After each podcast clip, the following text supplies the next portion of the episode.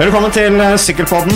I dag er vi på Lysaker, på hovedkvarteret til uh, UnoX. Og vi sitter i en litt sånn lukka avluk, som så man kan se inn da med utsikt over sykkelparken til Dare Bikes, som jo eies av UnoX, det også. Og med meg så har jeg da Kurt Arsle Arvesen, som er direktør. Hallo, Kurt. Hei sann. God dag, god dag. Og så har vi Jens Haugland. Hei, hei, hei. God dag, god dag. Hyggelig at dere kunne være med. Hyggelig at dere tok dere tid. Hyggelig at dere inviterte meg på kaffe og sykkelprat. Vi har jo ganske mye å snakke om, syns jeg. Uh, vi må jo følge opp noe som er off-season. Så må vi jo snakke litt om hva som har vært, uh, og hva som kommer. Reflektere litt over det. Uh, og dere skriver jo Fortsetter jo å være offensive og skrive historie. hvordan går det nå med hva, hvor, hvor står vi i dag, altså, først, Jens? Først og fremst må vi prate om uh, snøværet i Oslo. Det er jo fullstendig krise. Det var nesten, ikke, nesten umulig å komme seg ut med, med, bilen i dag. Er nesten ikke syklist. Jeg sa til Anton at hadde vi bodd i Italia nå, så hadde det vært unntakstilstand. Alle har bare lukka alle vinduer og bare kost seg inne i dag. Det har ikke vært en sjel ute på, på veien, men i Norge så drista de oss ut. Så er jo syklister på den, faktisk. Ja, og skal vi ikke tenne et lys for uh, syklistene som er ute på veien i dag? Altså, For noen krigere de er. Ja, altså, jeg har dag, sett noen bilder. De står opp tidlig om morgenen, sykler til jobb i slafset og snøen. Ja. De er de som gjør at det blir mindre kø på veiene, renere luft i byen, og de holder seg i form. Sparer samfunnet for masse kostnader. Så vi tenner et lys for dem. Ja, virkelig. Ja. Ja. La oss håpe det brenner lenge. Ja, ja, det brenner lenge. Det brenner lenge. Med sykling skal det bli. Så, Sykla, men, sykla til jobben, jeg. men skal, Det gjorde du ikke. Du sykla til jobb i dag, Ja, ja. Sykla til jobben, dusja og skifta. Det er derfor du ser så fresh ut. Nybarbert og greier. Takk. Barberer deg på jobb, eller? Nei da, det gjorde jeg i går. Jeg har ikke sånn uh, villskjeggvest som du, Mats. Men du er fremdeles uh, slank, det er du. Men Like slank som du var når du sykla. Så Alda Gotto Lauvesen sett noe, så han blitt forbanna. Han blir alltid sinna på sånne ekssyklister som holder seg så slanke. Men nok om det. Sesongen er uh, over. Uh, hvor fornøyd er vi med 2019 sett med lagets på øyne, Jens? Ja, Vi er jo ikke sånn veldig gode på å rulle terningkast, men vi kan i hvert fall si at vi har et lag i utvikling. Ehm, noen objektive måter å måle det på er jo å se hva, hvor mye UCI-poeng vi har henta som system, eh, antall seire, podiumplassering av trøyer osv. Der har vi jo positive fortegn bak alt det. Um, og så har vi lært ganske mye i år òg. Har ikke bare vært eh, plusser blant alt vi har opplevd heller. Både sportslig og organisatorisk og, og den biten der òg. Veldig mye utvikling, vil jeg si. Uh, men vi, på, vi har gjennomført tre år. Eh, og det er klart 20, 2019 uh, ble året der vi flytta oss fra å være et sted nummer 60 i et eller annet på Europaturrankingen til å være 25, der vi stort sett har pro Conti-lag foran oss. da. Så det har vært en uh, Det må vi jo kunne si har vært et, et bra år, da. Og så har- sender dere da to ryttere ut i den store verden. Eh, Leknessund og Foss. Eh, og det kommer eh, flere opp. Men eh, hva, er, hva er det beste eh, for 20? Hva er det beste dere opplevde i 2019? Det artigste det er jo selvfølgelig altså, seirene i fredsløpet med, med Leknesund og, og Tobias Foss i Lavenir. Det var jo store høydepunkt. Men, eh, men generelt sett eh, Den gruppa vi arbeider med, det, den største delen av den gruppa er jo den samme som vi starta med for tre år siden. Husker jeg det, det første Tour de Norway var med den, med, med den gjengen her, så, så turte vi ikke sende dem av gårde i brudd på første etappe, for vi visste ikke om de skulle holde. De mange av dem kjørte den første etappeløpet. Nå i år så kjørte vi Arctic, eh, Tsjekkia parallelt og gikk rett til Danmark rundt. Med 50-50 fra de foregående et etapperitta der. Og, og de var med og, og, og støta og lå i brudd og kjørte i finalene i Danmark rundt, som var et av de største løpene vi kjørte. Og det er med mange av de samme guttene som, som starta for tre år siden. Så det, det, var, det var et stort høydepunkt eh, for meg personlig. Så de er blitt mer robuste?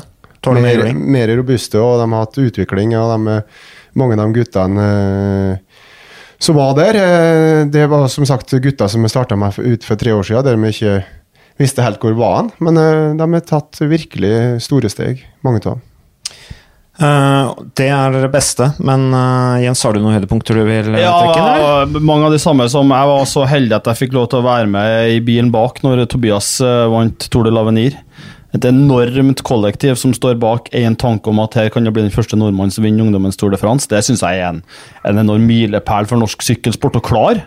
Og en anerkjennelse av veldig mange som har jobba veldig hardt over veldig mange år. Uh, og så er det klart det at uh, og, og Se Markus vinne sisteetappen siste etappen i Arctic. Det var en sånn eh, ut av det sjæl-opplevelse. Um, en gutt som jeg unner veldig mye godt, uh, og jobba veldig hardt i mange år. Og, og fikk den opplevelsen der. Det var selvsagt også veldig stort. Så det har vært mange. Um, mange ting å, å merke seg. Så, um, og det gir jo enorm uh, motivasjon. Men du nevnte litt om utfordringer, Jens. Hva er nedturen i 2019? Ja, Nedturen uh, Utfordringa er det at vi blir større som system. Vi får uh, mer og mer kravstore ryttere og, og mennesker å jobbe med. Uh, det er ikke alt vi løser bra nok i forhold til både hvordan vi kommuniserer og hvilke valg vi tar. men samtidig så, så, lærer vi jo av det, og vi må bare ha en kanskje litt dårlig ord, men litt, litt, sånn fanatisk tro på det synet vi har på hvordan dette prosjektet skal være. Eh, men det kan ta litt tid før vi både finner oss sjøl helt i det, men ikke minst at andre forstår oss. Uh, og, det, og, det, må vi bare regne med på veien videre òg. Uh, eh, så det, det, er jo ikke å stikke under en stol at det, det oppleves jo rart for omverdenen at en rytter som har to UCI-seire, ikke er med oss i 2020. Ja, for nå tenker du på Kristoffer Skjerping? Ja, for eksempel. Mm. Uh, og det, det, er jo ikke sånn at sånne ting går ubemerka. Og jeg må jo si at det er jeg veldig glad for, for hvis det er sånn at radaren er såpass på i forhold til hva vi gjør fra omverdenen, så mener jeg at det er et veldig godt tegn for systemet vårt og for laget vårt. Eh, og det må vi bare stå i og løse så godt vi kan. Men er ikke dere som en profesjonell aktør, eh, Jens, dere er jo et selskap, det er selskap som eier sykkellaget. Er ikke den type, eh, å håndtere den type situasjoner noe dere i utgangspunktet er vant til?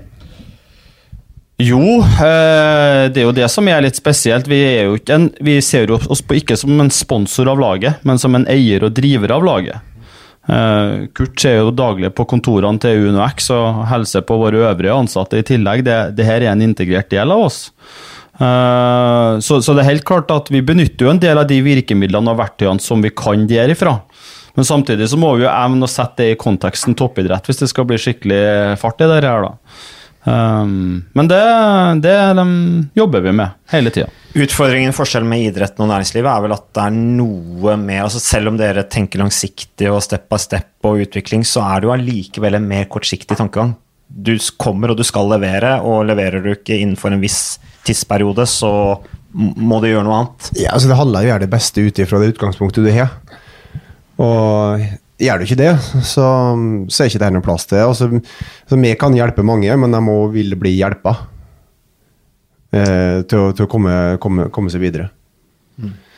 Så, og det at, at folk har meninger om våre valg, det må vi bare stå i. Eh, og det blir nok enda mer eh, synlig i framtida. At, eh, at eh, noen går opp en, en divisjon. At eh, folk har meninger om oss. Ikke bare foreldre, men også media og andre. Så, så det, bare, det, blir bare en del av hverdagen. Men vi må stå sterkt som, som ledere i laget og, og, og stole på de valgene vi tar. Eh, det er ikke uten grunn vi sitter med, med opparbeidet oss et utrolig bra lag. altså Fra bunnen av, med massører, bussjåfører, mekanikere. Service course dit og datt. Og så har vi noen sterke ledere med mange forskjellige meninger. Og vi diskuterer så fyllen fyk innimellom. Men eh, det fører til noe godt, at vi, vi, vi må stå i de valgene vi tar. Mm. Men eh, Jens, hvor er dere nå eh, i forhold til det formelle rundt eh, pro kontinental-lisensen? Det er du som er sjefen. Du har jo farta opp og ned til UCI og greier. Og er, er alle papirer signert nå? Er alt klappa klart? Alle papirene hos oss er signert. Og så har jeg fått eh, kjent internasjonal kommunikasjonsstil, litt sånn munnkurv rundt dette her, fordi det er en ganske rigid prosess som går. Men jeg kan vel si så mye som at jeg ikke så Jeg har ikke bekymringer nå rundt uh, det her. Vi har gjort et godt stykke arbeid. Han er, det, han er bekymra. Han, han, har ikke fått det 100% så han er bekymra. Det kommer jo ingen offentliggjøring fra USI før 19.12., som faktisk er utrolig nok på jobbursdagen min. Uh, men vi er ferdig fra vår side. så ting er, på, ting er, på, plass fra vår side. Ja. Mm. Så det er bare å vente på det formelle at dere er offisielt et Hva heter det nå? Pro Series? UCI Pro Team? Nei, det, heter, ja, det kommer til å bli mye rare navn, men det heter UCI Pro Team. Ja. I, I ett ord.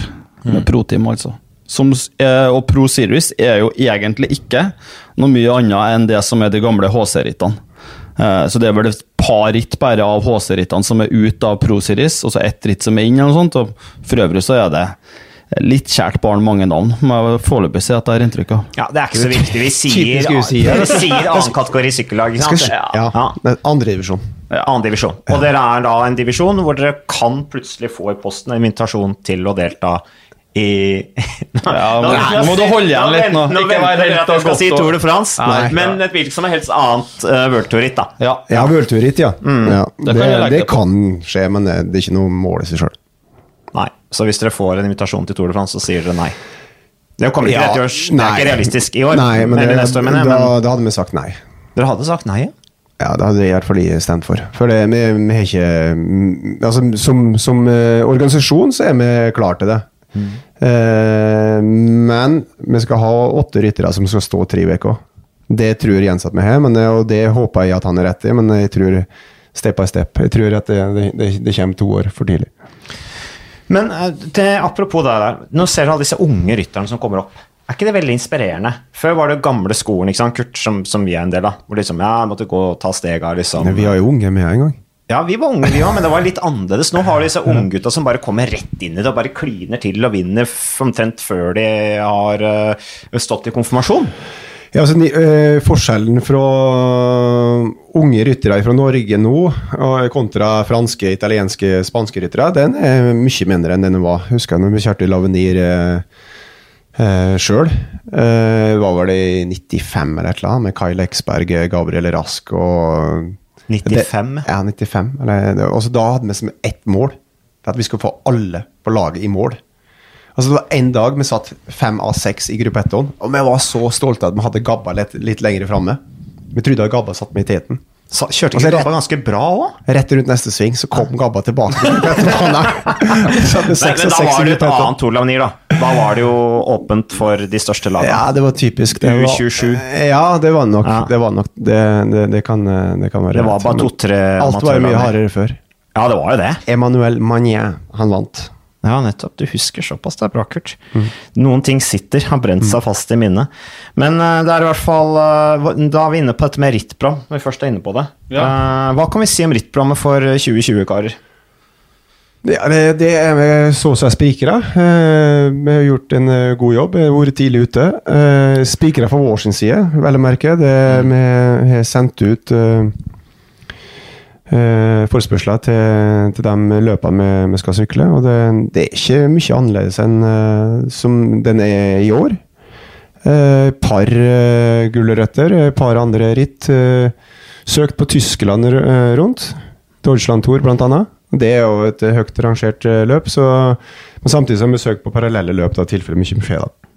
Men da Så, synes jo, jeg får legge til at jeg synes den er litt defensiv når han sier det. da. Vi har noen gulrøtter, sånn som jeg ser det. Vi håper jo at vi kan starte sesongen i Algarve. Eh, med den uh, lineupen som er der, så vil det seg sjøl være en massiv utfordring for uh, vårt lille lag. Jeg tror det var elleve Bull 2-lag der i fjor. Ja, og, og en, vi har flere ene-inn sånne type løp på lista. Også Deutschland Tour, uh, selvsagt verdt å nevne. Og så hadde det vært veldig artig om vi klarte å få til miksen av å kjøre et par U23-ritt som har worldtour-ritt senere på dagen. og Da tenker jeg jo bl.a. på Eschborn Frankfurt og, og Paris Tours. Eh, klart å få inn dem på lista hadde jo vært morsomt, for da ville vi ha muligheten til å faktisk ha to lag i sving uh, samme dagen på, i samme ritt. Ja, eh, den dere, ene dansken dere får inn, uh, Madsen, vant jo i år, var det ikke det? Fredrik Rodenberg vant, ja, og han ble trukket opp av Niklas, som jo òg kommer. Ja. Mm. Og i fjor så vant Niklas.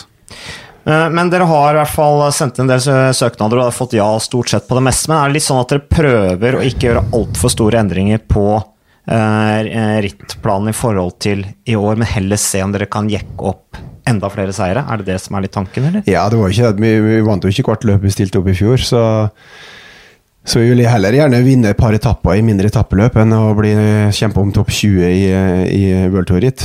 Og så, som Jens nevnte, så har vi et par sånne gulrøtter med Algarve utover våren. Parallelt med Algarve. Hvis vi ikke kommer inn der, så har vi søkt på Ruta del Sol.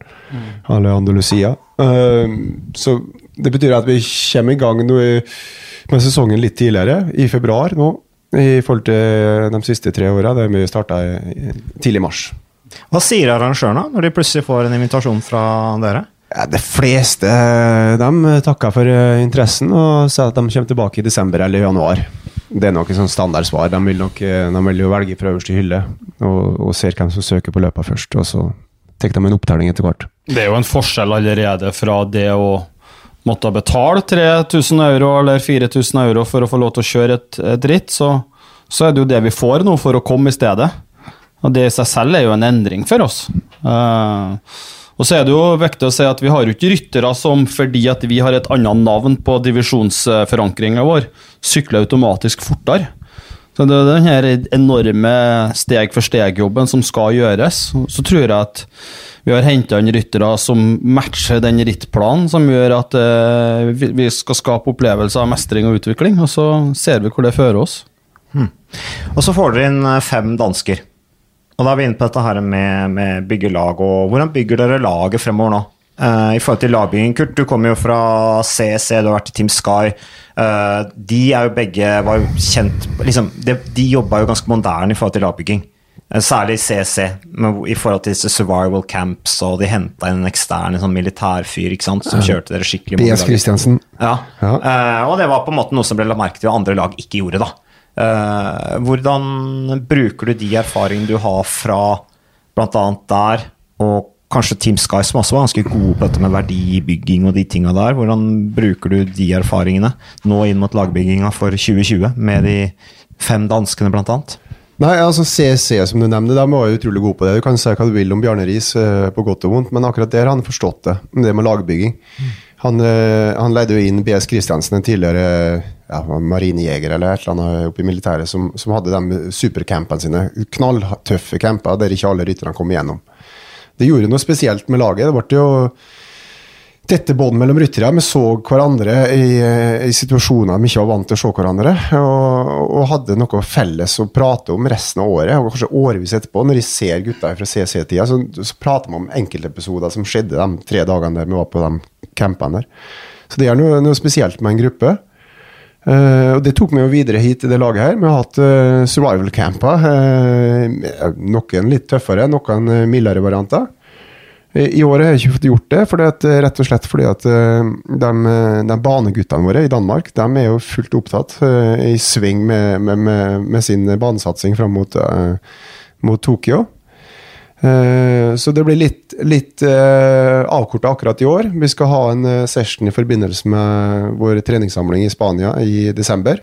Der vi, vi tar en dag og finner på noe sprell.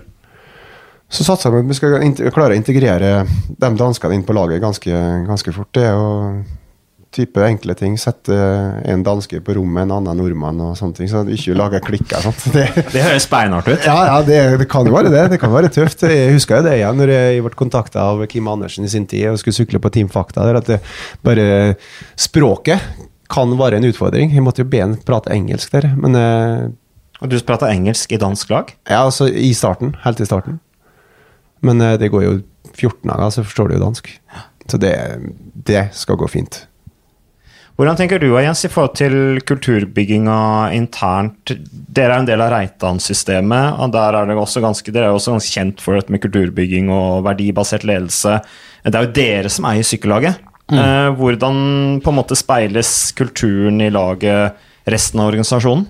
Nei, Det er en veldig spennende øvelse, og du, du har helt rett. Vi, vi brenner veldig for det, fordi vi bare tror at eh, mennesker som opplever tillit og mestring, Eh, kan utløse voldsomme ressurser i seg sjøl. Og det tror ikke jeg er annerledes egentlig om du sitter bak en kontordesk eller om du sitter på sykkelsettet. Uh, og det er noe vi, jeg tror mange av guttene våre allerede har opplevd. De har vært en del av dette her eh, noen år nå. Uh, og jeg tror òg at de guttene som kommer inn fra Danmark, kommer til å forsterke det ytterligere. fordi de, også, de innehar både et sportslig nivå, men også et holdningsmessig nivå som, som jeg tror løfter eller hever oss enda mer. Uh, og det er klart uh, også med at vi får med Gummi fra Kolokvik, som jo har leda den gjengen her i Kolokvik en god del år nå. Det gjør òg at vi sikrer en, en, en, en, sunn retning for dette her, tror jeg. Ja, det er den danske direktøren. Det er Christian Andersen, populært kalt Gummi, fordi han uh, ved et par anledninger bare kjørte rundt i Gummisko, som er joggesko på dansk. Altså, han, han Grunnen til det kallenavnet var at han, han glemte sykkelskoene sine. Eh, jeg trodde egentlig ikke han hadde sykkelsko, men jeg tror en rette historie er at han, han glemte sykkelsko eh, til et løp og stilte opp i joggesko. Det var jo tåklippspedaler den gangen. Så vant han. Og etter det så ble han kalt Gummi. Nei, eh, Men det er det her langsiktige arbeidet med rollemodeller, fokus på holdning og verdier, eh, åpenhet, tørre å utfordre hverandre, rom for å gjøre feil. Mange sånne pilarer.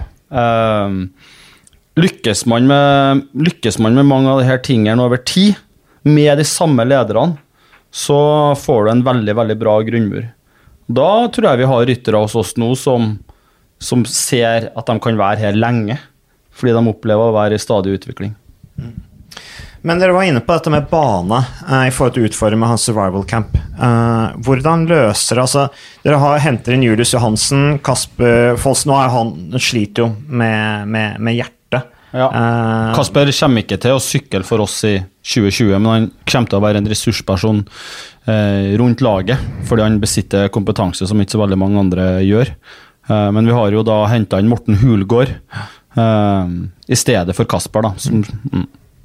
Og så er det Niklas Larsen, uh, Rodenberg Madsen, og så er det eh, Hinsgaul Madsen. Um, eh, og, men hvordan altså, Danskene er knallgode på bane.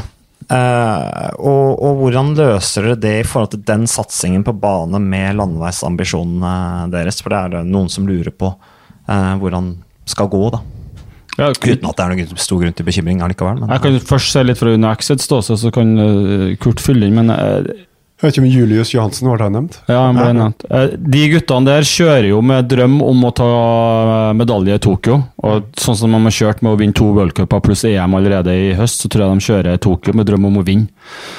Og for UnoX, det å være med danske unge utøvere, vi har jo stor forretning også i Danmark, på den reisen, og, og gi dem trygghet for at de får den eh, mest mulig sportslig optimale planen for det, det er noe vi syns er steinartig å være med på.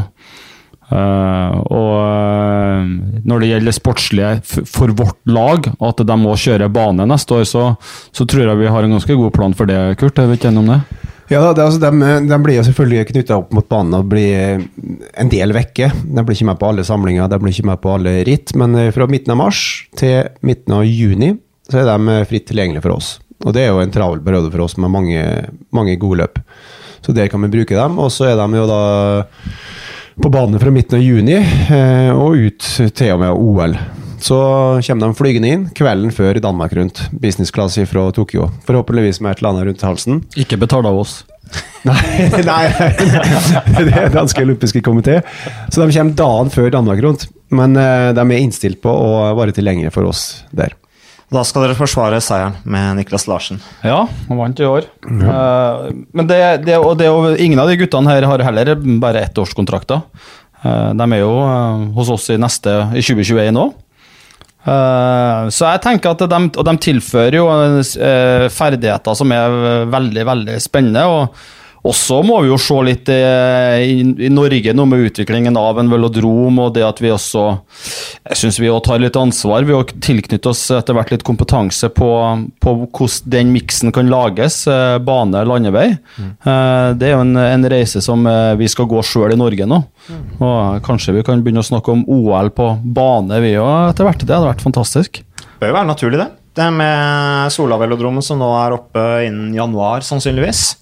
Eh, hva tenker du om den modellen der nå, framtida med, med Norge og Altså, nå er jo Coop Henter jo eh, Knotten, som skal være der og satse på bane, landevei. Eh, hva tenker du om mulighetene der for Norge, Kurt? Det er helt klart eh, kommer til å bety utrolig mye for sykkelmiljøet i, i Rogaland, i Stavanger, Sandnes. Eh, Det kommer til å blomstre opp. og at vi tilknytter oss folk som har litt greie på bane. Det finnes nok òg i Norge i dag, eh, helt klart. Men eh, at vi kan eh, få til en link der inn mot, mot Danmark, jeg tror det, det, det er veien å gå. Og så, så etter hvert så, så er det jo til neste år, fire år til neste OL, og det kan jo være aktuelt med et, med et norsk lag. Helt klart. Men i forhold til modellen, altså Colo Quick er jo, ser jo ut til å nesten være et utviklingslag for dere. Nei, men jeg er ikke det. Nei, men det ser sånn ut. Eh, De er, de er sponsa av UnoX. Ja, det stemmer. Danmark. Ja, av UnoX Danmark. Eh, Og dere henter fem ryttere der, inkludert og og en pluss en sportsdirektør. Mm. Men hvordan tenker dere om det norske miljøet i forhold Fordi at nå er det jo dere som er det største sykkellaget i landet. Det er jo ikke noe tvil om det. I, i Norden også. Eh, Dere, dere er for, for, Endelig får vi et eh, lag på, på det nivået dere er. Eh, Det har vi eh, snakket om i mange, mange år i Norge. Endelig kommer det. Det er et steg videre. Men hva skjer under og Dere har jo Dare Development Team. Det var vi, i Forrige gang vi hadde podkast her på Lysaker, så var det det vi snakket om. Eh, Dere har Kolikvik i Danmark, som dere helt sikkert følger litt med på. Men hva, hva, tenker du om det norske miljøet under nå? For Vi hadde jo Joker, Fuel og Norway, som var landets største lag. Nå blir jo det et, en lag med en helt annen identitet, sannsynligvis, til neste år. Hvordan ser dere øh, utviklingen i lagene under dere nå? Kunne, kunne Coop vært et fremtidig Er det en viktig, et viktig miljø nå med tanke på også den banesatsingen som etter hvert sannsynligvis bør blomstre der? Alle, alle, alle de gode miljøene er jo viktige. Som du sa, Joker de blir nok et litt annet lag neste år. De, vel, altså, de har jo sju U23-ryttere, sju ut av elleve. Og, og, og de blir et kjempeviktig viktig lag. Og, og sam, sammen med Coop, at de opprettholder miljøet der borte. Så, så, så det må Det håper jeg virkelig de har krefter og ressurser til å, til å drive videre, for vi kan ikke drive det her alene. Så drives det òg Vi kan jo diskutere det via det brede om det skulle vært to, tre eller fire kontilag i Norge, men det vi òg har i Norge, det er jo eh, noen veldig solide klubbmiljøer. altså. Eh, Hvis du ser hvordan f.eks. Ringerike sykkelklubb har prestert ut med den gjengen sin i år, så har det vært bra. Det har vært et rittprogram som matcher veldig mange kontilag, hvis du setter det i en europeisk kontekst. Kjører masse UCI-løp og får testa seg sesongen gjennom. Eh, Lillehammer det samme. Eh, Gauldal eh, nordafor. Mange som har kunnet fremheve. Det er også et, et, et nytt elitemiljø på vei frem ned i Vestfold, vet jeg, rundt Sandefjord-miljøet.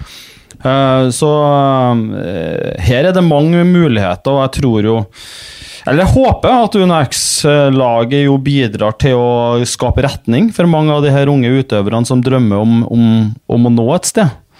Det er jo det er i hvert fall sånn at veien har blitt kortere nå enn hva den var før laget kom. Um, så får vi nå se. Det er eh, definitivt muligheter nå for eh, norske ryttere helt klart til å, å strekke seg til eh, noe større. Men, men hva nå med videre med Dare Development nei, Team? da? Hvordan fortsetter satsingen på det? Klatreambisjonene der? Der fortsetter vi akkurat som vi har gjort i år. Max Körner har leda den gjengen kjempebra i år.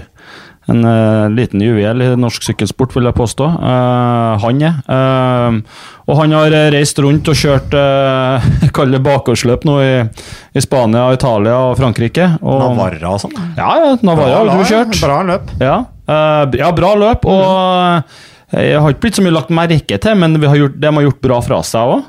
En av rytterne som har hatt en skikkelig god sesong, det er jo Ådne Holter, som nå har gått til Joker. Eh, så det skal vi fortsette med. eh, Å bruke ressursene vi har via Juno X-laget, støtteapparat og sånt, sånn at den biten er på plass. Um, og så er det et tilbud til ryttere som ønsker spesifikt å, dyrke og utvikle klatre, klatreferdighetene sine. Hvordan trener gutta nå, Kurt? I denne perioden av året? Og hvor mange følger du opp? Hvordan, hvordan følger du opp nå? Jeg følger ikke opp noen, jeg. Nei, bare. Han følger bare opp meg, han. Nei da, vi har jo, eh, vi har jo eh, interne trenere. Eh, Stort sett alle blir trent av våre trenere. Vi har det Lars Holm som trener tre ryttere, er ikke? Ja. som er sånn halvveis ekstern. Eh, ellers er de trent av Arne Gunnar Heiensrud, Sokrates, Espen Åreskjold. eh, Stig og har også. Stig Kristiansen. Torjus og Lars, ja. Så, så de trener godt. De er jo, det er jo ikke så lenge siden vi avsluttet sesongen, føler jeg, men eh, de er i hvert fall ferdig med pausen. Og stort sett, nei, ikke alle, mange er allerede i, i Spania nå, trener. Eh, noen er i, i Girona, noen er utafor Girona, noen er på Mallorca. Så, så har vi jo en gjeng som er hjemme nå, og så skal vi ned hele bøtteballetten ned til ja, litt syd for Barcelona, Det vi vært nå var i fjor. Jeg fant et eh, fint hotell der, eh, og skal ha camp der fra 2. desember til 18. Hvor mange ryttere bør én trener ha, syns du? Har, liksom, har du noen grense på det? Hvor mange én trener kan Nei, nå er vel det han som har mest, det er vel det, det, er vel det Sokrates og Arne Gunnar. De har vel en eh, Sju-åtte. Ja. Arne Gunnar har vel noen av dem delgutta, følger litt opp noen av dem, og mm. i tillegg eh, noen andre, så Så det, de kommer jo an på totalen.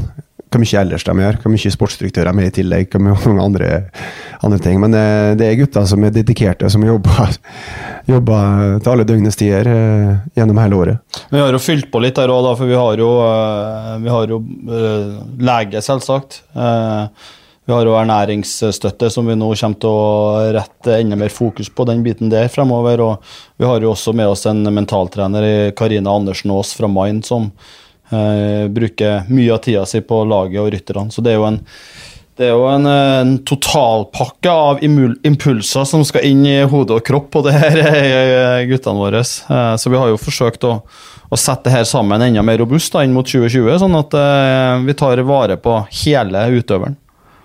I forhold til eh, dansker og nordmenn, Kurt, er det stor forskjell på mentaliteten til danske ryttere kontra norske ryttere? Hva kan danskene tilføre nordmennene, tror du? Jeg tror begge parter kan tilføre eh, noe godt. Eh, altså de danske, Det inntrykket har av dem, og generelt så, så er de eh, er de eh, spisse. De er, de er giftige, og de er, de er dedikerte. Det er ikke det at det ikke våre nordmenn er dedikerte, men jeg tror jeg, vi, kan, vi kan løfte nivået, det sportslige nivået, eh, på, på hele gruppa. Eh, Men er danskene tøffere? Jeg har alltid sett på danskene som litt sånn råere mentalt. Ja, altså, de er jo en, en sykkelkultur som går litt lenger tilbake i tid, og det er nok kanskje litt spissere albuer der. Du stiller opp i et, eh, et dansk eh, cupritt i- kontra et norsk. eh, Altså, generelt så er jo nivået kanskje litt høyere eh, blant flere ryttere. Det fører jo til at eh, det blir litt tøffere. De er vant med det fra, fra yngre alder. Samtidig så er det jo, det er jo viktig å merke seg jo, nå, nå vant vel Stokkebro Nilsen, tror jeg tok U23-Flandern, men vi sitter nå med norske U23-ryttere og tar luven av Danmark i, i fredsrittet eller i Tour de l'Avenir. og Så vi er absolutt oppe med å begynne å få en base av unge ryttere som matcher det her, her nå. Um, men du verden, de har jo en, snart en portefølje var av 20 ryttere på bøltur, så um, det må vi jo bare inspirere oss ekstremt av. Men Jens, du kom jo inn i sykkelsporten med et brak pga. bare rett og slett egeninteresse for, for sykkel. Etter å ha vært og sett på Tour de France. Eh, og så ble det interessert, og så bare har det balla på seg. Eh, eh, og dere er jo, det har vi ikke snakka noe om, men, men, eh, men dere er jo også Dere har jo vært inne og redda satsinga til, til Norges Sykkelforbund etter at økonomien der har vært, som jo er kjent, ganske i kjelleren. Eh, men hvordan er du fornøyd med utviklinga i norsk sykkelsport sånn generelt?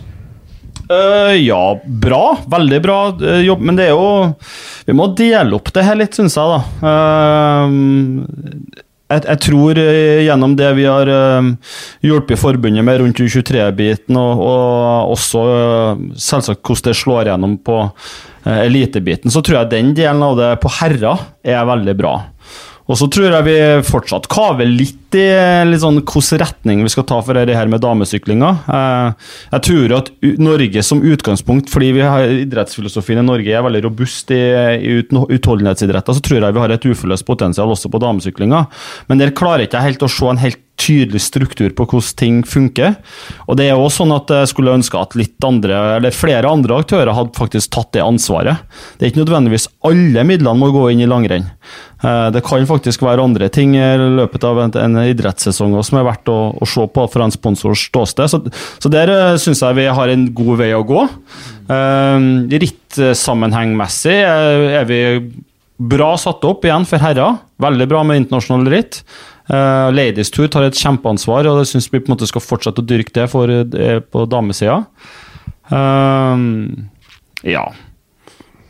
Det er vel egentlig og er det, vi, vi er vel i en fase der det ikke snakkes så mye om Bergen lenger. Der vi har et forbund som forsøker å, å ta de stegene som skal til for å, for å løfte seg inn i en, en verden etter Bergen. Eh, satt opp fundamentet sitt økonomisk og organisatorisk for at det skal fly. Og så, så må vi være ganske tydelige på at vi står på sida og utfordrer dette her. Eh, men i positiv forstand, der vi har et ønske om at det skal gå riktig vei. Istedenfor å bruke all vår energi på å fortelle hvor ubrukelig det var det som skjedde for noen år siden. Uh, Det blir, det blir på et eller annet tidspunkt ikke veldig konstruktivt for å skape framdrift. da. Altså, generelt sett så går det jo knakende godt med norsk sykkelsport. Hva er for defensiv nå, Kurt? Altså, altså, Mats, tenk tilbake ti år siden. Hva har vi gjort på de siste ti åra? Vi har fått Tour of Norway, Tour de Fjords. Nå har de slått sammen, riktignok. Arctic, Ladies Tour of Norway. Vi har eh, Conti-lag. Nå har vi Hva kalte vi det? UCI Pro Team til neste år. Vi har, vi har eh, Kristoff som vinner Monument. Vi har hatt VM i Bergen, sportslig sett. eh, Økonomisk sett nedtur, men sportslig super opptur. Eh, andre ting eh, Rekordantall proffer. Rekordantall proffer. eh, Carl Fredrik, Fredrik. Fredrik Hagen, åtte i Spania rundt. Altså, det går jo superbra. Masse sykkel på norsk TV. Ja, masse. Ja. Nei, det går sjukt bra, Mats. jeg er ganske fornøyd med det. Eh, og da for å tenke litt stort eh, Jeg tenker vi kan gå mot avslutningen nå av denne podkasten etter hvert. Men hvor ser dere dere selv om fem år, Jens? Du er opptatt av langsiktighet. Ja, Om fem år, hvor er, eh, hva, er hva er drømmen din? Drømmen min er at, eh, at jeg ikke vet hvor vi er om fem år. Eh, fordi hvis du sa til meg for tre år siden at vi står der at vi nå leverer søknaden som pro-team, så, så hadde jeg sagt det er spinnvill, for jeg har glemt å bestille seter til det første settet av sykler jeg bestilte til laget. så så eh, ting eh, når både organisatorisk og et sykkellag, når man jobber, jobber med små ting, eh, men gjør det veldig ordentlig, mange nok ganger, så kommer jo den her, som vi liker å si i Reitan-gruppen, den berømte snøballeffekten. Og da, den snøballen kan vokse seg ganske stor.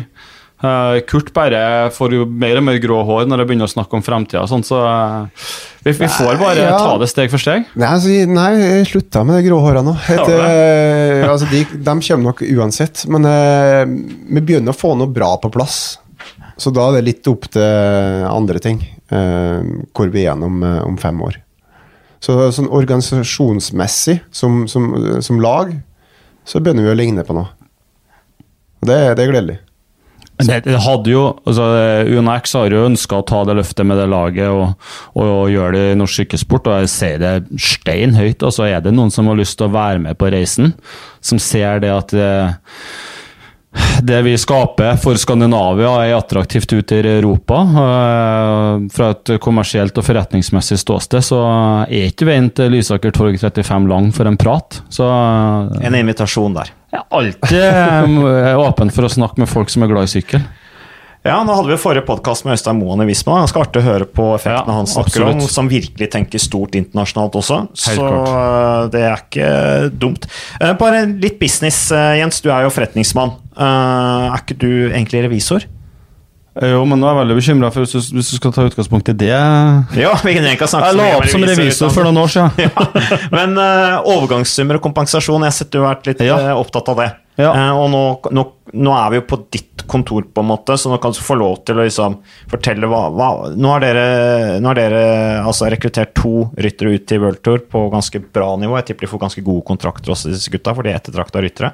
Uh, hva tenker du om at dere sitter igjen med null kroner etter det? Nei, det, hvis du i tillegg legger til at uh, Og vi skal samarbeide godt med dem også, men det sitter jo noen agenter imellom der òg, som faktisk sitter igjen med noen ting i sånne settinger, så syns jeg det nesten er litt absurd.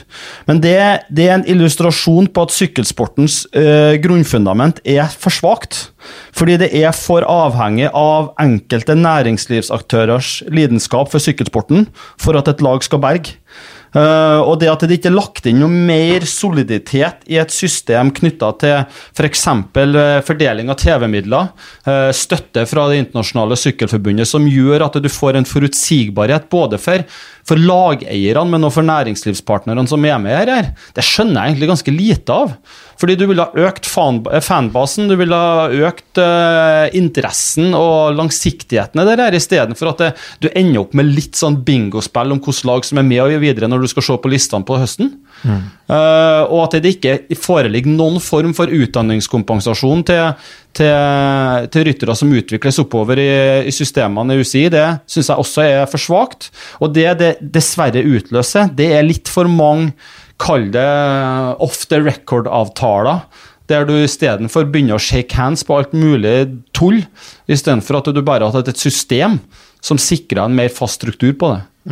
Ja, det har vel alltid vært litt sånn sykkelsportens eh, utfordring. Det der med at det har vært en shake hands-kultur. Men vi skal ikke ta den eh, diskusjonen her nå. Tusen takk for at jeg fikk snakke om temaet, Mats. Jo, men jeg syns det er artig. Vi må jo snakke litt om strukturene til eh, sykkelsporten og sykkelpodden. Da er det jo arena for å kunne snakke om den type ting. Er det noe dere vil avslutte for å være høflige? Er det noe dere vil brenne for som dere har lyst til å snakke om, Kurt? Nei, egentlig ikke. Det er fortsatt knallhard jobbing med å få sesongen 2020 opp og, opp og stå. Eh, vi begynner jo å Vi ligger bra an, eh, men det er, er alltid fare, farlig å si at vi har full kontroll. Ja, vi må bare må benytte I og med at vi har får et talerøre, så må vi bare benytte muligheten til å takke for veldig mye positiv støtte rundt eh, det man gjør og det man ønsker å skape. Eh, opplever jo at et Sykkel-Norge som står veldig bak både vårt prosjekt, men også de andre lagenes prosjekt nå. Eh, Det er, jeg tror vi har veldig veldig mye kult å se fram til i 2020. Ja, så vi bare fortsetter å være offensive. Eh, og så er det jo gøy at det blir debatt, som sagt. Det er gode ting og mindre gode ting, men så blir det diskusjoner, og det blir snakk om laget. Og, og eh, sykkelsporten til Norge ser, eh, ser lovende ut. Så da ønsker jeg bare dere lykke til, og så takk for at dere bidro til Sykkelpodden! Takk, Mats! Takk, takk.